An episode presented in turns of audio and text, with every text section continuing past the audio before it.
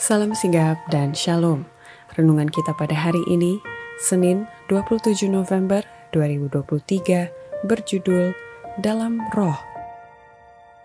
Ayat intinya terdapat di dalam Filipi 3 ayat 3. Karena kitalah orang-orang bersunat yang beribadah oleh roh Allah dan bermegah dalam Kristus Yesus dan tidak menaruh percaya pada hal-hal lahiriah Pena Inspirasi menuliskan yang dimaksud dengan judul renungan kita pagi ini, Dalam Roh, adalah sebuah panggilan kehidupan yang praktis agar kita senantiasa tetap berusaha untuk menjadi kabar sukacita sebagai faktor yang menunjang kebahagiaan sejati dan sarana untuk memulihkan hubungan kita secara vertikal kepada Tuhan dan horizontal dengan sesama sebagai berikut.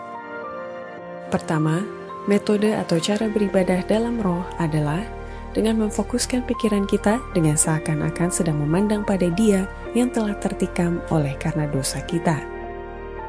Agama Kristus meninggikan penerimanya kepada tingkat pemikiran dan perbuatan yang lebih tinggi, sementara pada waktu yang sama agama itu menunjukkan semua umat manusia sama menjadi sasaran kasih Allah yang dibeli dengan pengorbanan anaknya.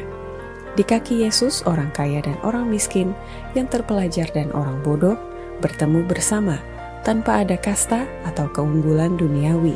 Semua perbedaan duniawi dilupakan pada waktu kita memandang pada Dia yang telah tertikam oleh karena dosa kita. Kedua, metode atau cara beribadah dalam roh adalah dengan kita menjauhkan segala imajinasi yang sakit yang tidak menggambarkan agama Kristus dengan benar, agar tidak ada kegagalan melihat Kristus dengan kuasanya. Ada orang-orang dengan imajinasi yang sakit yang tidak menggambarkan agama Kristus dengan benar. Orang-orang seperti ini tidak mempunyai agama Alkitab yang murni. Sebagian telah menderita seumur hidup mereka oleh karena dosa-dosa mereka. Semua yang mereka lihat ialah satu Allah yang adil yang menyakiti mereka. Mereka gagal melihat Kristus dengan kuasanya yang menyelamatkan melalui jasa darahnya. Orang-orang seperti itu tidak mempunyai iman. Pada umumnya, golongan ini adalah orang-orang yang tidak mempunyai pikiran yang seimbang. Ketiga, metode atau cara beribadah dalam roh adalah tetap senantiasa berdiri mempertahankan kebenaran dan kesalehan dengan tidak mensepelekan hukumnya ketika umumnya orang mengabaikan kita.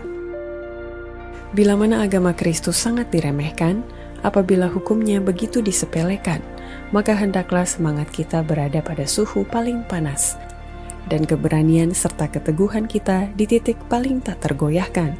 Berdiri mempertahankan kebenaran dan kesalehan ketika umumnya orang mengabaikan kita, berjuang dalam pertarungan Tuhan tatkala para pejuang hanya sedikit. Inilah yang menjadi ujian kita.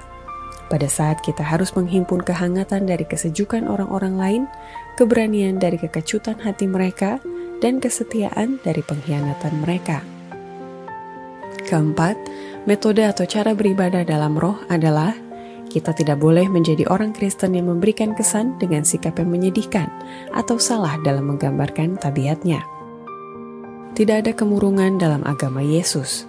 Jika orang-orang Kristen memberikan kesan dengan sikap yang menyedihkan karena mereka telah kecewa di dalam Tuhan mereka, mereka salah menggambarkan tabiatnya dan menaruh sanggahan ke dalam mulut musuh-musuhnya. Walaupun dengan kata-kata mereka dapat menyatakan Allah sebagai Bapa mereka, namun dalam kemurungan dan kesusahan mereka menunjukkan ke dunia tidak mempunyai ibu dan bapa. Demikianlah renungan kita pada hari ini. Kiranya Tuhan memberkati kita semua.